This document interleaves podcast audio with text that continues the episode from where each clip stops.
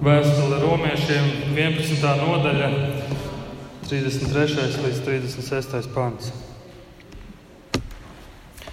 Kāds dieva bagātības, un gudrības un atziņas dziļums.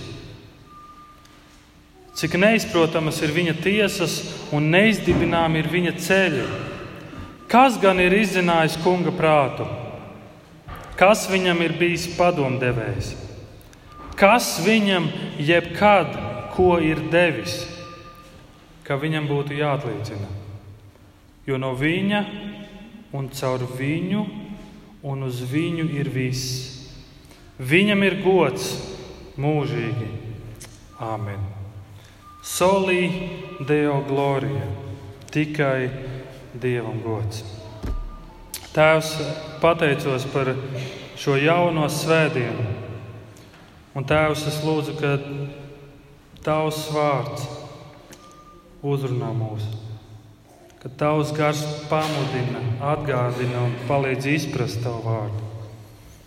Un uh, tiešām mūsu dzīve varētu būt tikai Tavam godam. Tēvs, es lūdzu par uh, Leldi, kad viņa tulko, Tēvs, ka Tu vadi viņu, Tēvs. Es ļoti lūdzu par, uh, par Valteru, kurš ir pie slaidiem, Tēvs. Es ļoti lūdzu par ikvienu no mums, kas mēs šeit klausamies. Tēvs, ka Tu īpaši uzrunā mūs, tā kā mēs domājam par Tavu vārdu. Tev vienam lai gods. Jēzus vārdā. Āmen. Labrīt, draugi! Um, mani sauc Raimons, es esmu šīs draudzes diakons. Un, uh, nu, tā nu sanāk, ka ik pa laikam es esmu šeit priekšā un sludinu. Un, uh, paldies Dievam par to. Un šodien mēs domājam par, par tēmu, kas saucās Solideo Glorija. Solideo Glorija un nozīmē tikai Dievam gods. Mēs esam Mēs Vīlandē ejam tādai svētdienu sērijai cauri, kas saucās Piecas solas, ja pieci tikai. Un mēs jau esam sludinājuši par četrām, kas ir sola scriptūra, sola fide.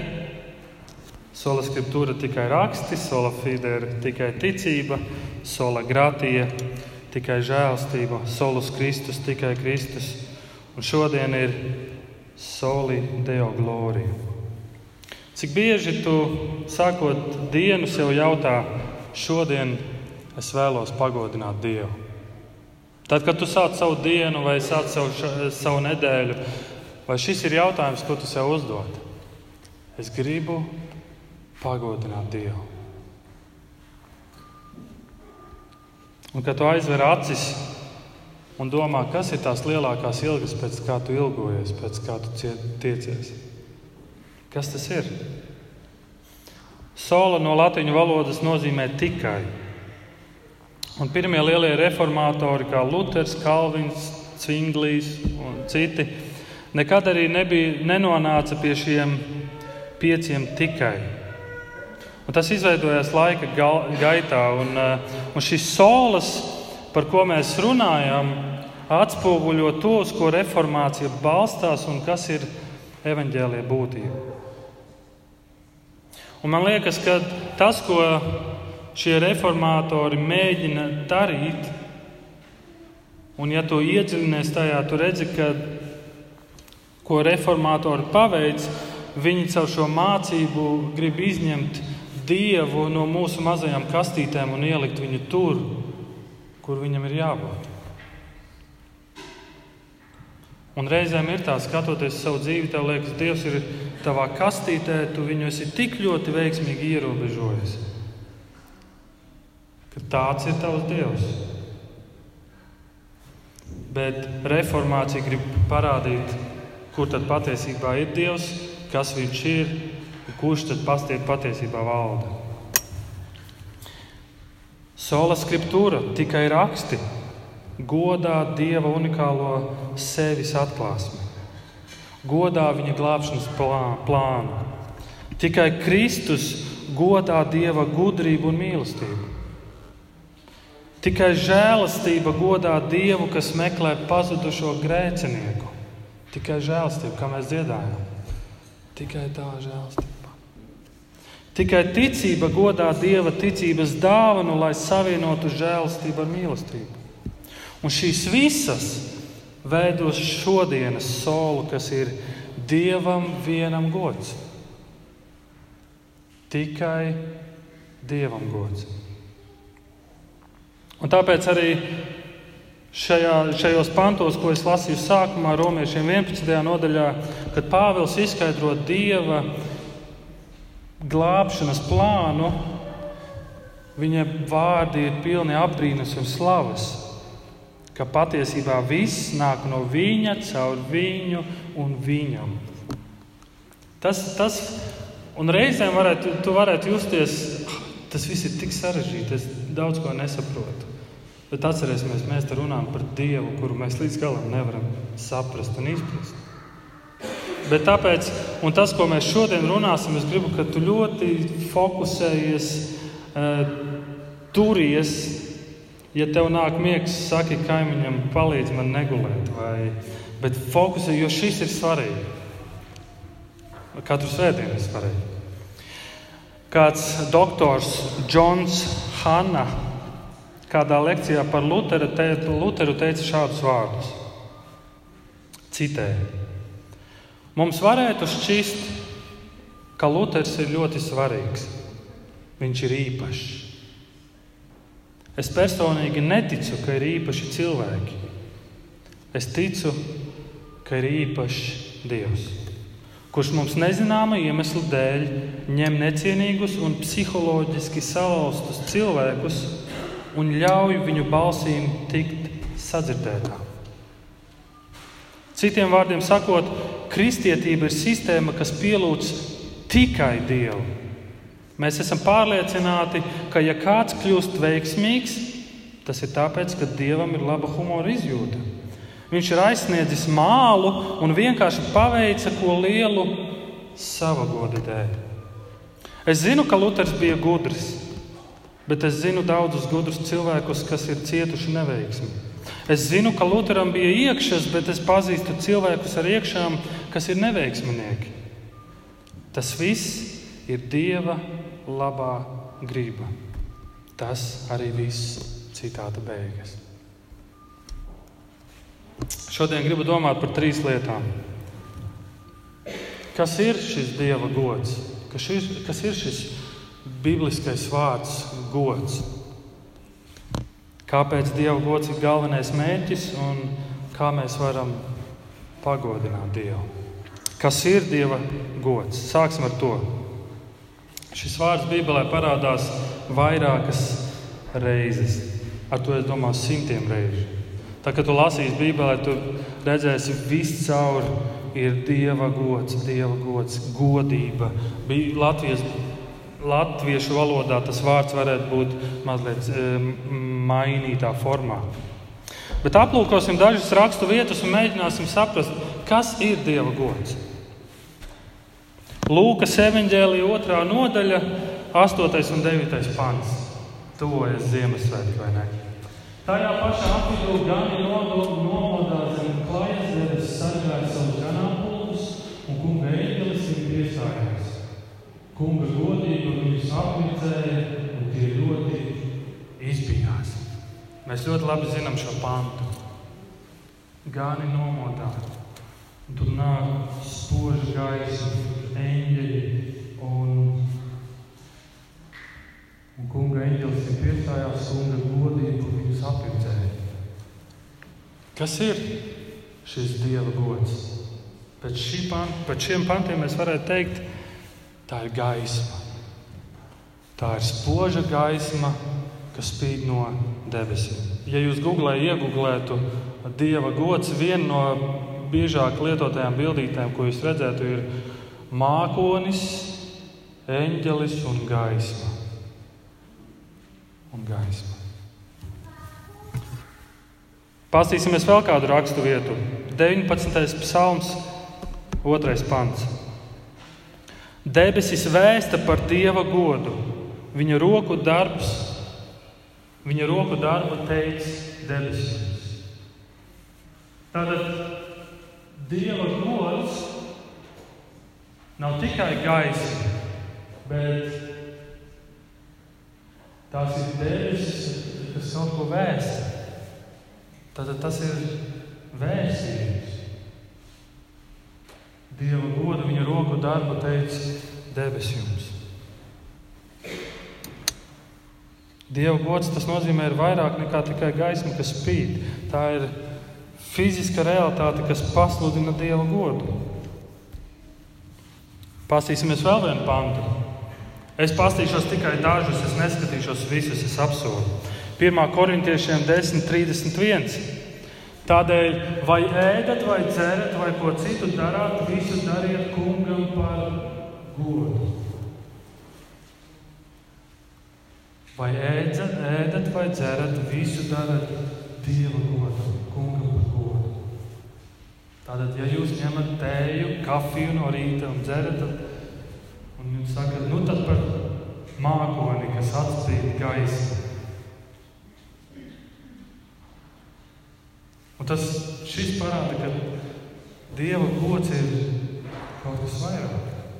Un tad, kad tu ēd un dzer,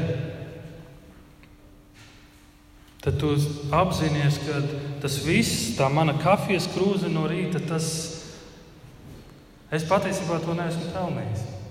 Es zinu, mums liekas, ka es esmu pelnījis, bet mēs sapratīsim, kāpēc nē. Un tu saproti, tas viss ir no Dieva Un uh, viss, ko es ēdu, viss, kas mani uztur, kas manu miesu uztur, tas ir, tas ir no Dieva. Un kā es to darīšu? Es pateikšos tam, kas man to ir devis. Tu redzi, ka šis ir Dieva gods, nav tikai gaisma, Dieva gods nav tikai vēstījums, jeb fiziska realitāte, kas kaut ko dara, bet tas ir jautājums par reputāciju. Romiešiem 3.23. vēl viens pants. Jo visi ir grēkojuši un visiem trūkst dievišķās godības. Visi mēs esam grēkojuši. To saka Bībele. Un visiem mums kaut kas pietrūkst. Tas parāda, ka Dieva gods ir ne tikai gaisma vai fiziskā realitāte, kas kaut ko saka, runā, vai reputācija, bet tas ir kaut kāds standarts, ko šis pāns saka, mēs esam pazaudējuši. Mums visiem kaut kas pietrūks. Tas nozīmē, ka kaut kur, kaut kad mēs kaut ko esam pazaudējuši. Dievišķo godību. Tas ir kaut kāds standarts, no kura esam atkrituši. Es nāku no mazas pilsētas, viesītes. Un uh, viesītē piedzima kāds ļoti populārs un slavens cilvēks. Viņš bija latviešu ķirurgs un veselības aprūpes organizētājs, onkologs, medicīnas vēsturnieks un medicīnas vēstures muzeja dibinātājs. Latvijas Universitātes un Rīgas Medicīnas institūta profesors. Ilgi vadīja Rīgas otro slimnīcu un pakāpeniski to pārveidoja par modernu ārstniecības un medicīnas iestādi. Vai zināt, kā viņu sauc? Pauls Stradiņš. Ļoti ievērojams cilvēks. Nāk no viesītes. Es arī nāku no viesītes. Bija laiks, kad uh, no viesītas vidusskolas, kad uh, skolnieki brauca uz Rīgas ekskursijā, tad, tad, kad viņi devās uz šo muzeju, ko dibināja Valsts Sārdiņš, tad viesītas skolniekiem tas bija bez maksas. Bet interesanti lieta, ka pirms pie mūsu vidusskolas viesītē tur ir šāds piemineklis, ja precīzāk šūškās. Tajā laikā, kad es mācījos, tur mācījās aptuveni 80 skolnieki, un gadiem ejot, tur vienkārši tūkstošiem skolnieku izgāja cauri tai skolai. Tur daudz iedzīvotāji gāja garām šim piemineklim katru dienu. Un es skrienot uz sporta stadionu, uz laukuma, es bieži vien skrēju šim piemineklim garām. Un man bieži vien lielākoties pilnīgi neko tas nenozīmē. Foršs piemineklis, skaists, kā cik pa laikam iet un tīra un uzpucē viņu. Ir šāds piemineklis, tad vēl ir eh, kāda plāksne pie viņa, pie viņa mājas, kas, kas kaut ko pasludina. Kas kaut ko pasludina. Bet tas, ko piemineklis un šīs piemiņas zīmes dara, tās godina un slavē Pauli Stradiņu. Un savā ziņā mēs varētu teikt, šis ir Paula Stradiņa gods. Un ko piemineklis dara? Viņš mums liek, tad, kad mēs sākam uzdot jautājumu, kas tas ir, kāpēc tur tāds piemineklis, mēs sākam atgriezties pagātnē, mēs sākam atgriezties tajā realitātē, kurā dzīvoja viņš. Un mēs sākam vērot, ko viņš ir darījis. Kāpēc, ir, kāpēc viņam ir šis piemineklis? Šis piemineklis ir Paula strādiņa gods. Ebreju valodā ir kāds vārds, kurš apzīmē vārdu gods.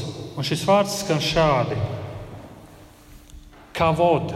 Pasakām visi šo vārdu. Kavod. Vēlreiz? Kavod. Jā, mēs tagad mācīsimies ebreju valodu. Ebreju vārds kavod. Un šim vārdam ir vairākas nozīmes, un es vēlos, ka mēs varam kopīgi apskatīt šī vārda nozīmi.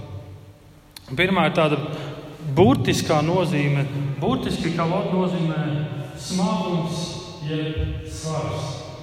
Vārds smagums, jeb svars. Pirmā samērā 4.18 ir pāns, ka tik līdz viņš pieminēja Dieva šis ēlija apgūstī krita no krēsla uz vārdu pusi, salāuz sprānu un novira, jo Viņš bija vecs un smags. Tad šis, šis priesteris, šis, uh, viņš dzirdēja, ka Dieva šķirsts tiek aizvests. Un tādēļ, ka viņš dzirdēja, viņš krita no krēsla un nomira. Tu esi kādreiz kritis no krēsla? Vai tu esi kādu redzējis krītam no krēsla? Man ir gadījies krist, es esmu redzējis, bet paldies Dievam, es neesmu redzējis, ka cilvēks krīt no krēsla un nomirst. Bet labi, ka autors mums pasaka, kāpēc tas notika. Tāpēc, ka viņš bija vecs un viņam bija kā voda. Viņam bija svars. Tātad burtiski šis vārds nozīmē smagums, jeb svars. Vēl viena nozīme ir tāda metaforiskā nozīme, un eh, šis vārds nozīmē svarīgums, jeb reputācija. Un psalms 7. psalms 7. pants saka, tad lai ienaidnieks mani vajā un gūsta, lai viņi pie zemes manu dzīvību un iegūst spīšos manu kā bodu, manu godu. Šo psalmu, šī psalma vārdu autors ir Dāvīds. Un kas šeit notiek? Dāvids ir ķēniņš, viņš dzīvo savā pilī, ko viņš cēlis ar pašu, pašu ar, ar savām rokām. Un tad ir situācija, ka viņa dēls Absaloms saceļas pret viņu un ķēniņam. Viņš ir ķēniņš, viņam ir jābēg. Un tad, kad viņam jābēg, viņš saka šos vārdus, kad Ienaidnieks mani vajā un gūsta, lai min pie zemes manu dzīvību, un viņš manu godu, manu kavodu iegrūž dubļos. Savā ziņā, citiem vārdiem, tas, ko ķēniņš Dārvids saka, tas, tā reputācija, kas man ir, tas, kas es esmu, un viss, kas man ir, kas mani padara tādu, tas viss tiek iegūsts, iegūsts dubļos kā voda. Šis vārds nozīmē svarīgums, reputācija, arī savā ziņā smagums, jo tās ir smagas ziņas, tā ir smaga vēsts.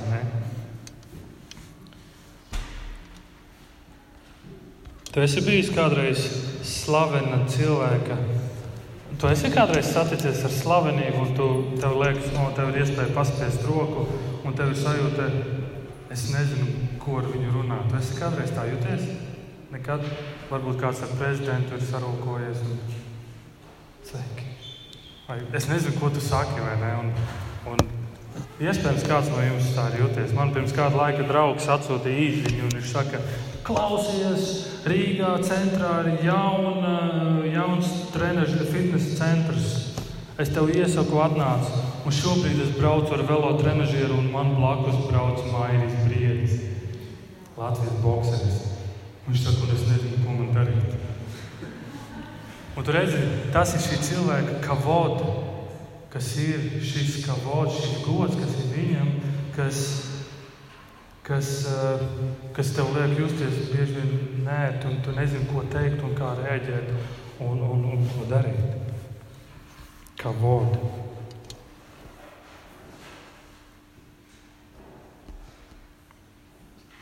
Un tāpēc Dārvids saka, mans gods ir iemests dubļos.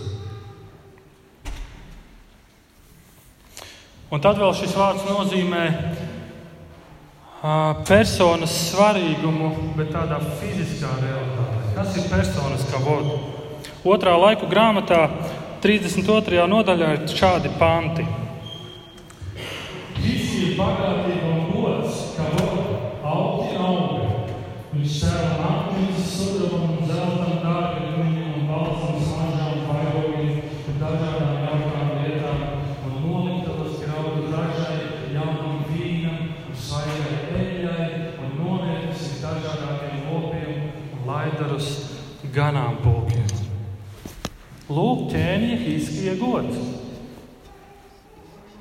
Mantnīcas sudrabam, visādas mantiņas, smaržiņas un lopi.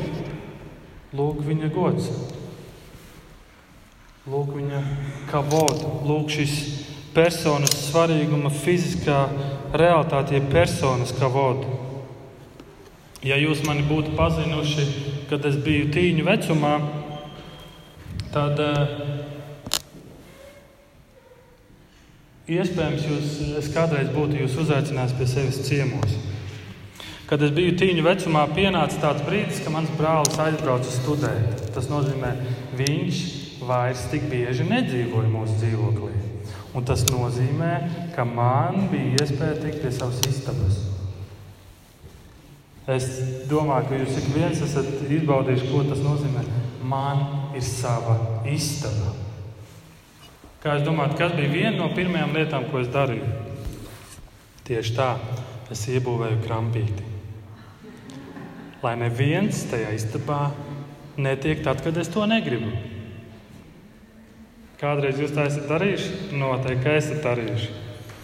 Un viena no lietām, ko tu būtu redzējis, kad tu ienāktu manā istabā, tu redzētu pie sienas ļoti, ļoti daudz plakātus ar basketbolistiem.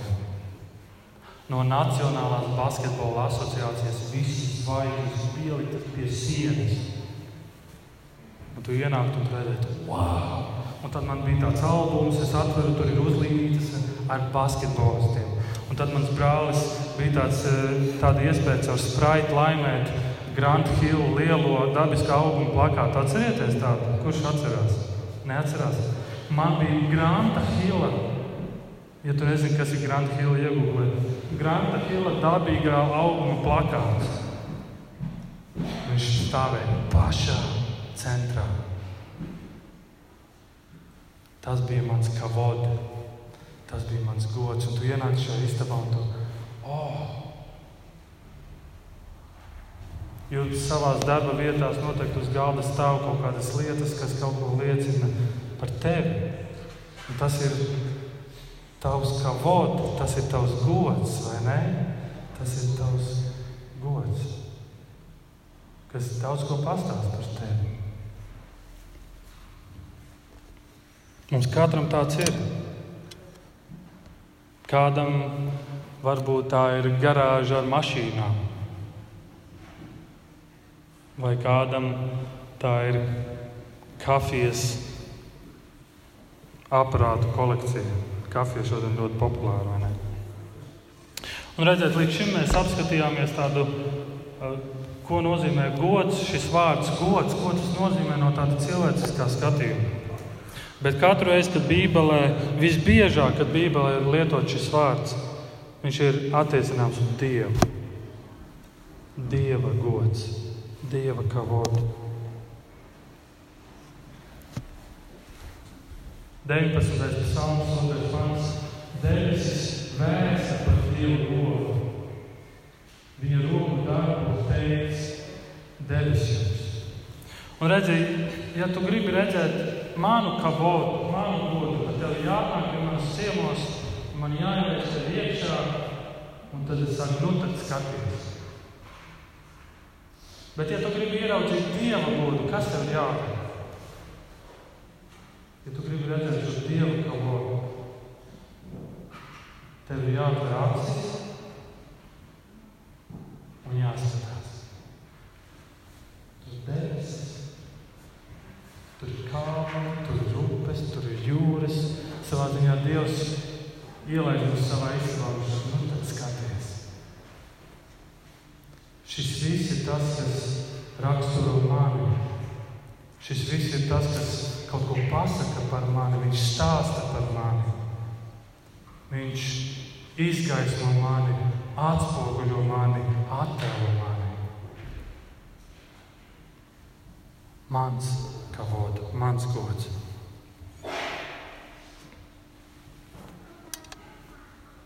Un mēs redzam, ka tas ir tik perfekti. Lūk, Dieva fiziskā realitāte, lūk, Dieva gods. Bet tas nav viss. Astotais psalms. Klausieties uzmanīgi, lasīšu no 4. panta. Kad raugos tavās debesīs, tavu roku darbā, mēnesī un zvaigznēs, ko tu esi radījis. Kas ir cilvēks, ka tu atceries to? Un cilvēka bērns, ka tu to glabā. Tu to noliec tik drusku zem dieviem, citā tulkojumā eņģeļiem. Ar godu un slavu tu to kronē. Liec tam valdīt pār tavu radību. Visu tu noliec zem, tam zem kājām, avis un vēršus, cik vien to ir, un visus lauka zvērus, putnus debesīs un zivis jūrā, kas izlodā jūru takas. Kungs, tu esi mūsu kungs, cik vārens tavs vārds pār visu zemi. Cik vārens tavs vārds pār visu zemi. Kā jūs domājat, šī šī psalma autors? No kā viņš iedvesmojās? Noteikti no pirmās mūža grāmatas, pirmās nodaļas, kur Dievs saka, taisīsim cilvēku pēc mūsu tēla, pēc mūsu līdzības, lai tas valda. Dieva kavoda, Dieva gods nav tikai visa ir. Bet ir kaut kas vairāk. Manās rokās nonāca tāda ļoti bieza grāmata, kas saucās Sistemātiskā teoloģija. Dziļi iesaku. Veins Grūdens ir autors. Un viņš eh, šajā grāmatā, šajā biežā, biezajā grāmatā saka šādus vārdus. Citēju. Tas mums nāktu par labu, ja mēs pārdomātu savu līdzību ar Dievu daudz biežāk.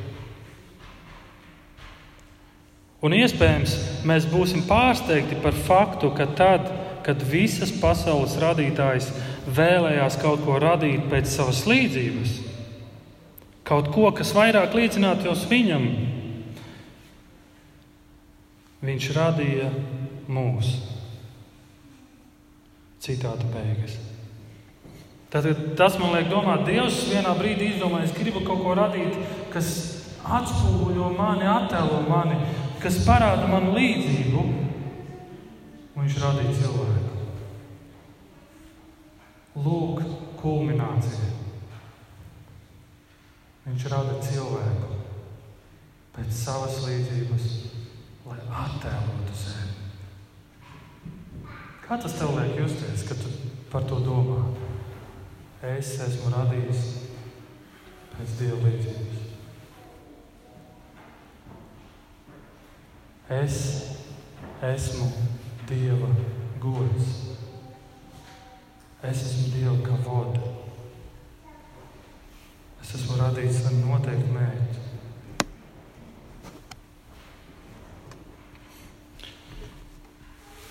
Viena no lietām, ko es parasti daru vakaros, ir savām meitenēm vai nu stāstu pasaku, vai rādu leļu teātri, vai lasu grāmatu. Un tad, kad es lasu grāmatu, tas ir viens no vieglākajiem veidiem. Saku, meitene, šovakar lasīsim grāmatu. Jo leļu teātrim rīktīgi jāizspringst, jāparāda, tur jāizdomā, kas tas būs, un jā, jāmēģina pastāstīt savu to evaņģēliju. Un, un reizēm tas ja tu esi noguris, tas prasa ļoti daudz. Bet vienu vakaru mana vecākā meita atnāk pie manis un saka, tēti, šovakar tu gulēsi manā gultā un es lasīšu grāmatu.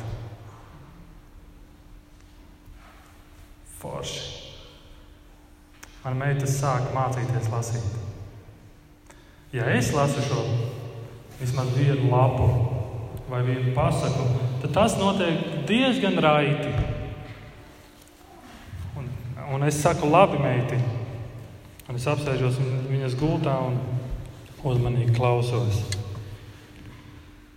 Mm, no, no visa, vi, kas tas par burtiņu? Un, un, un, un tā mēs izējām cauri lapiņai. Caur vienai lapai viņa pati izlasa grāmatu, šo lapas pusi, viņa pati izpur to beigās nonāk pie secinājuma un arī saprot, kas tas ir. Tā bija pacietības mācība, bet es skatījos uz viņu un es priecājos par to, kā mana mazā meitiņa aug un attīstās. Tas bija mans prieks. Tas bija mans. Tas bija kaut kas īpašs, un es domāju, neviens dzīvnieks tā neprot. Neviena cita radība tā neprot. Tikai cilvēks. Tādas emocijas, kā mums ir cilvēkiem, nav dzīvniekiem. Nav nevienai citai radībai. Neviens dzīvnieks nespēja būvēt debesu krāpjus un attīstīt tādas tehnoloģijas un, un, un telefonus, no kā mēs kļūstam atkarīgi un tā tālāk. Un tā. Neviens, neviens to nespēja kā tikai cilvēks. Un tāpēc šī ir Dieva kulminācija, šis ir Dieva kavod. Viņš parāda caur mums sevi. Viņš parāda, ka Dievs ir radošs. Viņš lasa, viņš klausās, viņš skatās. Viņš veido attiecības, viņš mīl, viņš gribēja sevi atspoguļot, un viņš to dara caur mums. Kāpēc Dieva gods ir galvenais mērķis? Tad mēs atbildējām uz jautājumu, ja mēģinājām atbildēt uz jautājumu, kas tad ir šis gods, kas ir šis kavods. Tad ir jautājums, kāpēc Dieva gods ir galvenais mērķis? Un vienīgā un tāda viegla atbilde varētu būt, tāpēc, ka Dievs to tā ir gribējis. Kāpēc Dieva gods ir galvenais mērķis? Tāpēc, ka Dievs to tā ir gribējis. Sākuma lasījumā mēs lasījām šo sarunu starp Pēteru un Jēzu. Un tur Jēzus Pēteram uzdod trīs reizes vienu un to pašu jautājumu. Pēter, vai tu mani mīli? Pēter, vai tu mani mīli? Un no šīs raksturvietas var, mēs varētu tik daudz bagātības ieraudzīt, un, un izsecināt un saprast. Un, un ko jautājums nozīmē un kādu ietekmi šis jautājums atstāja uz Pētera dzīvi, un ko vispār tas jautājums nozīmē, un ar kādu mīlestību ir runa un tā tālāk. Un tā tālāk. Bet viena lieta, kas man ļoti uzrunāja, bija, kad Jēzus saka, to viņš sacīja norādīdams uz to, kādā nāvē Pēteris pagodinās Dievu. Un šeit ir tāda sajūta, ka Pēteram īsti nav izvēle. Jēzus pasakā Pēter, šādā veidā tu pagodināsi Dievu.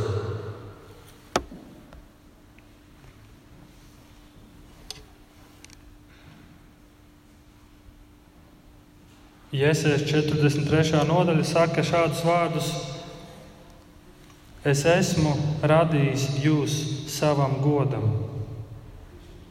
veidojis un pats taisījis. Es pats jūs esmu radījis, es pats jūs esmu veidojis savam godam. Kāpēc Dieva gods ir galamērķis? Kāpēc solī Dieva glorija? Kāpēc tikai Dieva godam. Tāpēc, ka Dievs pasauli nav radījis mūsu dēļ, bet Viņš to ir radījis sevis dēļ. Lai viss gods ir viņam. Un es jau varētu domāt, ko tu padomā. Ak, šis egoistiskais Dievs, viss ir tikai viņam, vai ne? Viss ir tikai viņam. Bet tāpēc šis, šis ir labs izaicinājums, ka tu sāc saprast, kas esmu es un kas ir Dievs.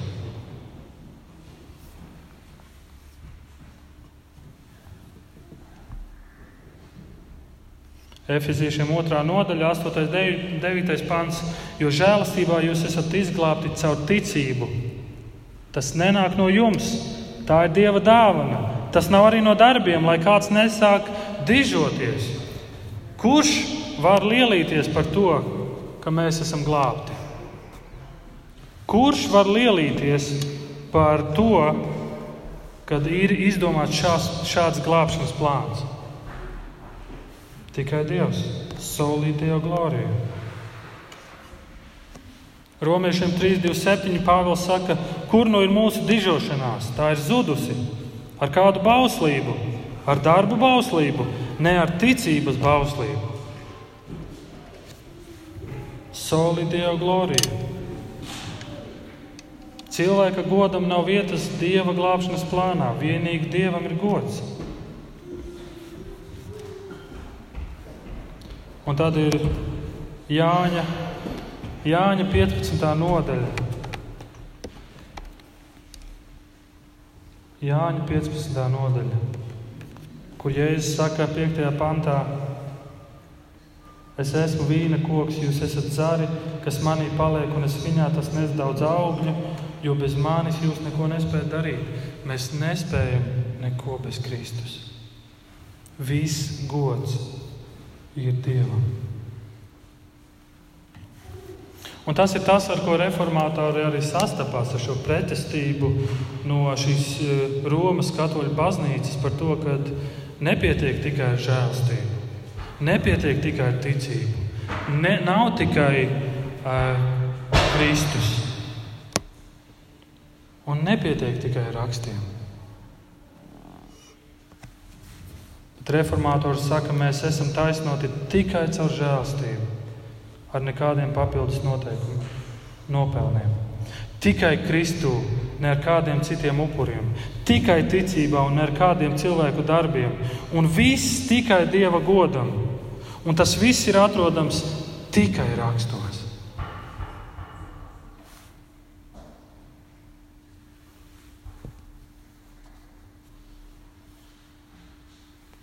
Mēs bijām miruši. Viņš darīja mūsu dzīves. Viņam bija ideja, tā bija Dieva ideja. Viņam bija glābšanas izpildījums, tas ir viņa nopelns. Viņš izpildīja, viņam bija sasniegums, tas ir viņa nopelns. Un glābšanas rezultāts ir viņa nopelns. Soli Dieva glorija. Un padomā tagad, padomā mazliet par sevi un par šo ideju, par savu dzīvi, par savu ikdienu un par to, ka Dievs, tas, ko Dievs grib pateikt, viss, kas tu esi, viss, kas tev ir Soli Deo glorija. Tikai Dievu godam.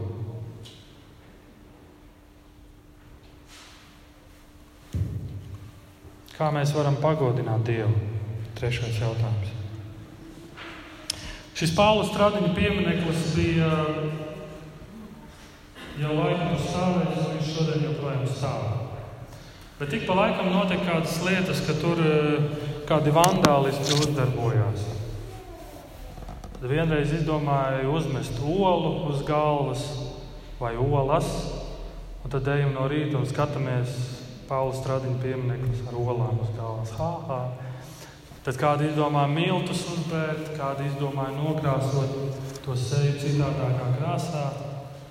Un savā ziņā varētu teikt, tas nav, tā nav goda izrādīšana pret pašu Pāvila Stradiņu.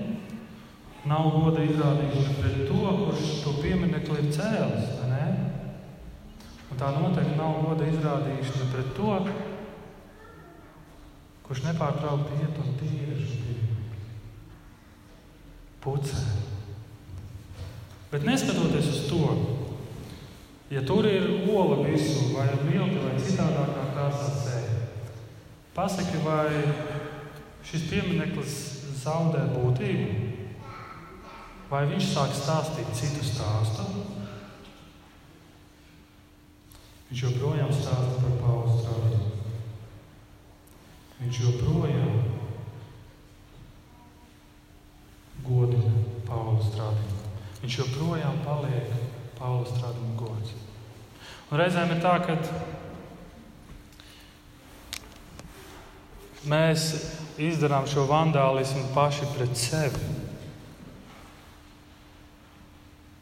Mēs noticam kādiem meliem vai iegrimstam kādās uh, atkarībās, problēmās, pieķeramies citām lietām, pazaudējam to dzīves jēgu un nodaram pāri sev. Mēs iekļūstam depresijā, mēs iekļūstam dažādās slimībās, mēs, mēs nodaram pāri sev. Mēs izdarām vandālismu paši pret sevi daudzam olas uz galvas paši sev, ja tā tā patīk.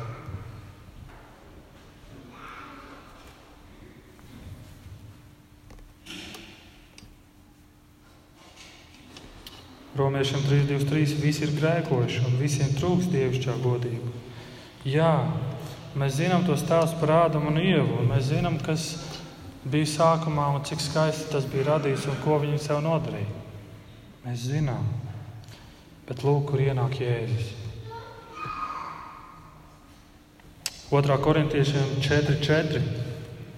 Ja arī mūsu evaņģēlijas ir apslēpts, tad tiem, kas iet pazušanā, kuriem šā laikmeta Dievs ir darījis aklu neticīgo prātu, ka viņi nespēja saskatīt Dieva attēlu, Kristus godības evaņģēlijas požumu. Evanģēlijas atspoguļo Kristus attēlu. Un Kristus savukārt ir Dieva attēls. Mēs zinām, ka šīs ir tās labās ziņas, un paldies Dievam par to, ka Kristus, kurš nāk, kā viņš nāk, viņš nāk kā cilvēks. Perfekts Dieva attēls. Kristus ir perfekts Dieva attēls.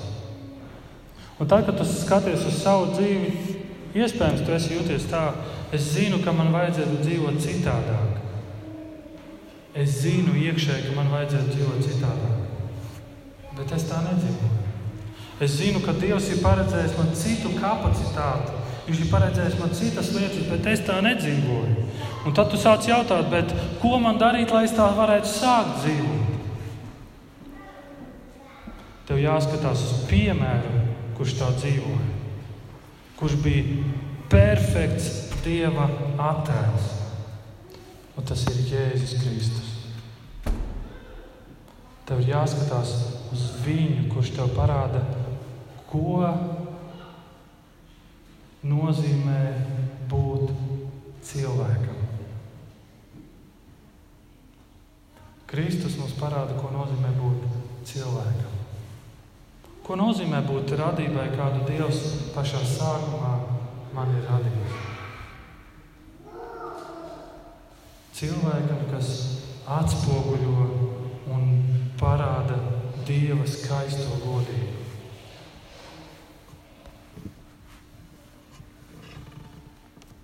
Ja tu vēlēsies zināt, ko nozīmē būt šim cilvēkam, tev tā pa īstam ir jāskatās uz Jēzu. Un tad, kad tu skatīsies uz Jēzu, tu ieraudzīsi kādu lietu, ka cilvēki, kas nāk pie viņa, viņi izmainās. Un parasti notiek divas lietas. Tie, kas nāca pie Jēzus ar atvērtām sirdīm, ar tādu garā nabadzību, kas atzīst, es neko nespēju. Mēs redzam, ka viņu dzīves ir izmainītas. Prāta apgaismošana, sapratne, ticība, miesas dziedināšana. Lūk, kas notiek, kad tu satiec pašu Dievu. Bet tie, kas nāca kas pie Jēzus, bet kas bija uz sevi vērsti un tikai uz savu kavotu, turējās pie sava un nevienam to nedeva, un cēla sevi tikai godā. Un bija daudz svarīgāks par Dievu. Ziniet, kas notika ar šādiem cilvēkiem? Viņi kļuva vēl dusmīgāki. Un viņi gribēja nogalināt Kristu.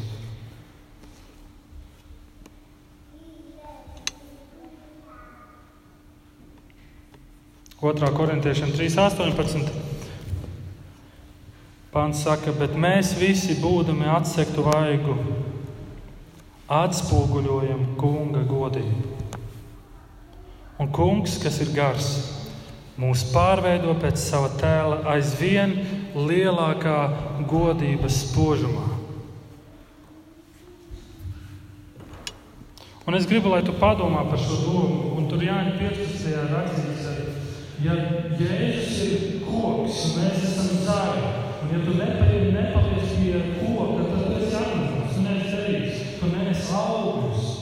pagodina Dievu. Un zinām, kas otrajā pantā rakstīts, un tēvs ir dārznieks. Kas ir tas, kas skolē to pieminēja? Tas tēvs. Pats tēvs ir dārznieks un šulē. Kāpēc viņš to dara?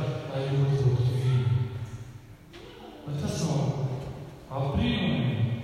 Pats Dievs grib, lai mēs nesam augsts, lai mēs un viņš pats joprojām mūs skolē un veido, lai mēs būtu līdzīgāki Kristu.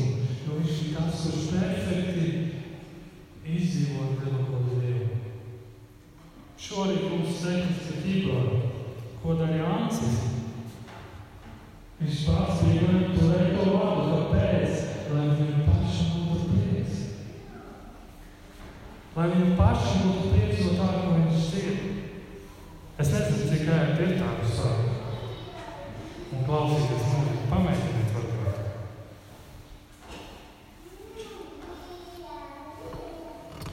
Un nobeigumā es gribu, lai tu padomā par sevi kaut vai par šo nedēļu, kas ir pagājusi.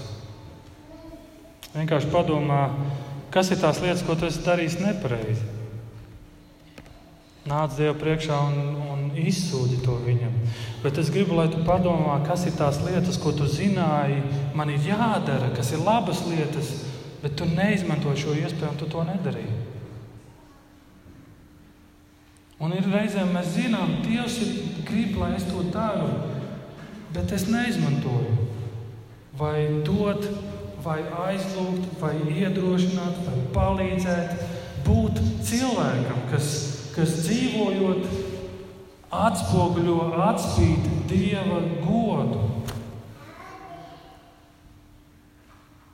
Un es gribu, lai tu padomā par šīm lietām, kas ir tas, kas darīts nepareizi. Vai savā dzīvē tu vari teikt no sirds: Solī Deo glorija. Tikai Dievam gods. Lūksim. Debes Tēvs,